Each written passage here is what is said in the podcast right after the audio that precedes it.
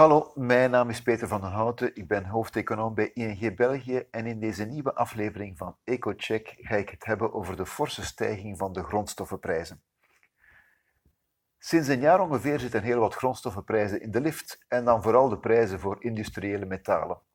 De prijs van ijzererts gaat momenteel door, door het dak en de koperprijs heeft de kaap van de 10.000 dollar per ton gerond een historisch record.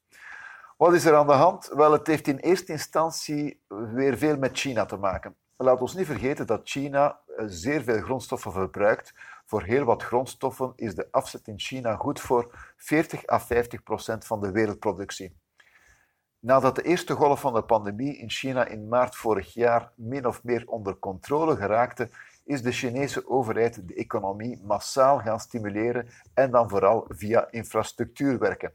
Dat heeft de vraag naar grondstoffen flink de hoogte ingeduwd en de prijzen zijn gevolgd. Sinds eind vorig jaar is het herstel in de rest van de wereld ook op gang gekomen, wat de cyclische vraag naar grondstoffen verder omhoog duwt. Daarin moet je bovendien nog de toegenomen vraag van beleggers aan toevoegen, die ook massaal in de grondstoffenmarkt zijn gestapt en die in feite een turbo hebben gezet onder de prijsstijgingen. Hoe lang zal deze hoogte nog doorgaan?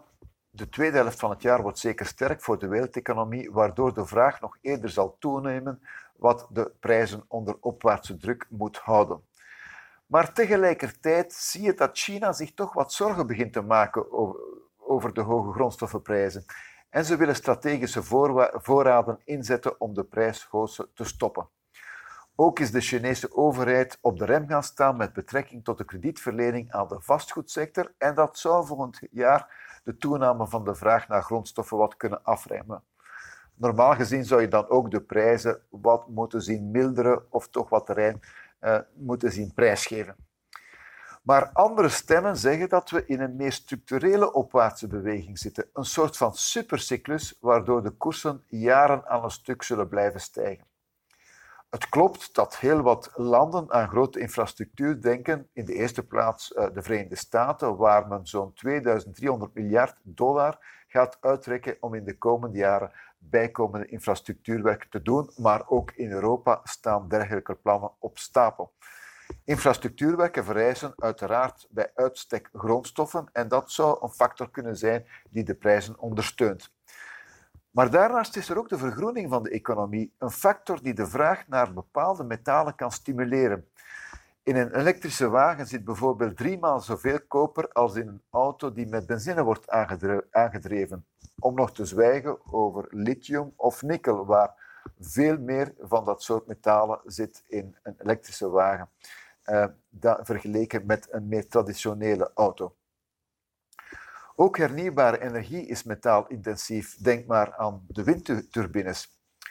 Het Internationale Energieagentschap beweert dat het aandeel van duurzame energie in de vraag naar bepaalde grondstoffen in het komende decennia fors zal stijgen.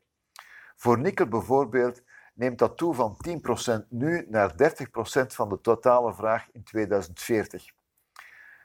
Als je ermee rekening houdt dat het opstarten van nieuwe mijnen of het verhogen van de bestaande productie meerdere jaren vraagt en bovendien ook steeds moeilijker wordt vanwege toegenomen milieuvereisten, is het niet helemaal onlogisch te denken dat de prijzen goed ondersteund zullen blijven. Dat maakt het besluit niet gemakkelijk. Voorlopig is er vooral sterke opwaartse druk door het aantrekken van de wereldconjunctuur, dat zou weliswaar wat kunnen afremmen in de loop van 2022. Maar dan heb je ook de structurele stijging van de vraag die ervoor zou kunnen pleiten dat de prijzen in de komende jaren hoog blijven. Moeten we dan massaal in grondstoffen gaan investeren, zoals heel wat beleggers momenteel schijnen te doen? Misschien, misschien ook niet. Het is uh, toch goed om eraan te herinneren dat vele simulaties met betrekking tot de toekomstige vraag naar grondstoffen uitgaan van de huidige bestaande technologie. En die kan natuurlijk veranderen. Laat ons het voorbeeld van de Club van Rome niet vergeten, die in 1968 ook al een uitputting van bepaalde grondstoffen voorspelde, maar dat beeld is door efficiëntieverbeteringen en nieuwe technologieën in de loop der jaren toch grondig moeten worden bijgesteld. Dus toch een slag om de arm als we denken aan de toekomstige stijging van de grondstoffenprijzen. Dat was het. bedankt voor het luisteren en graag tot de volgende keer.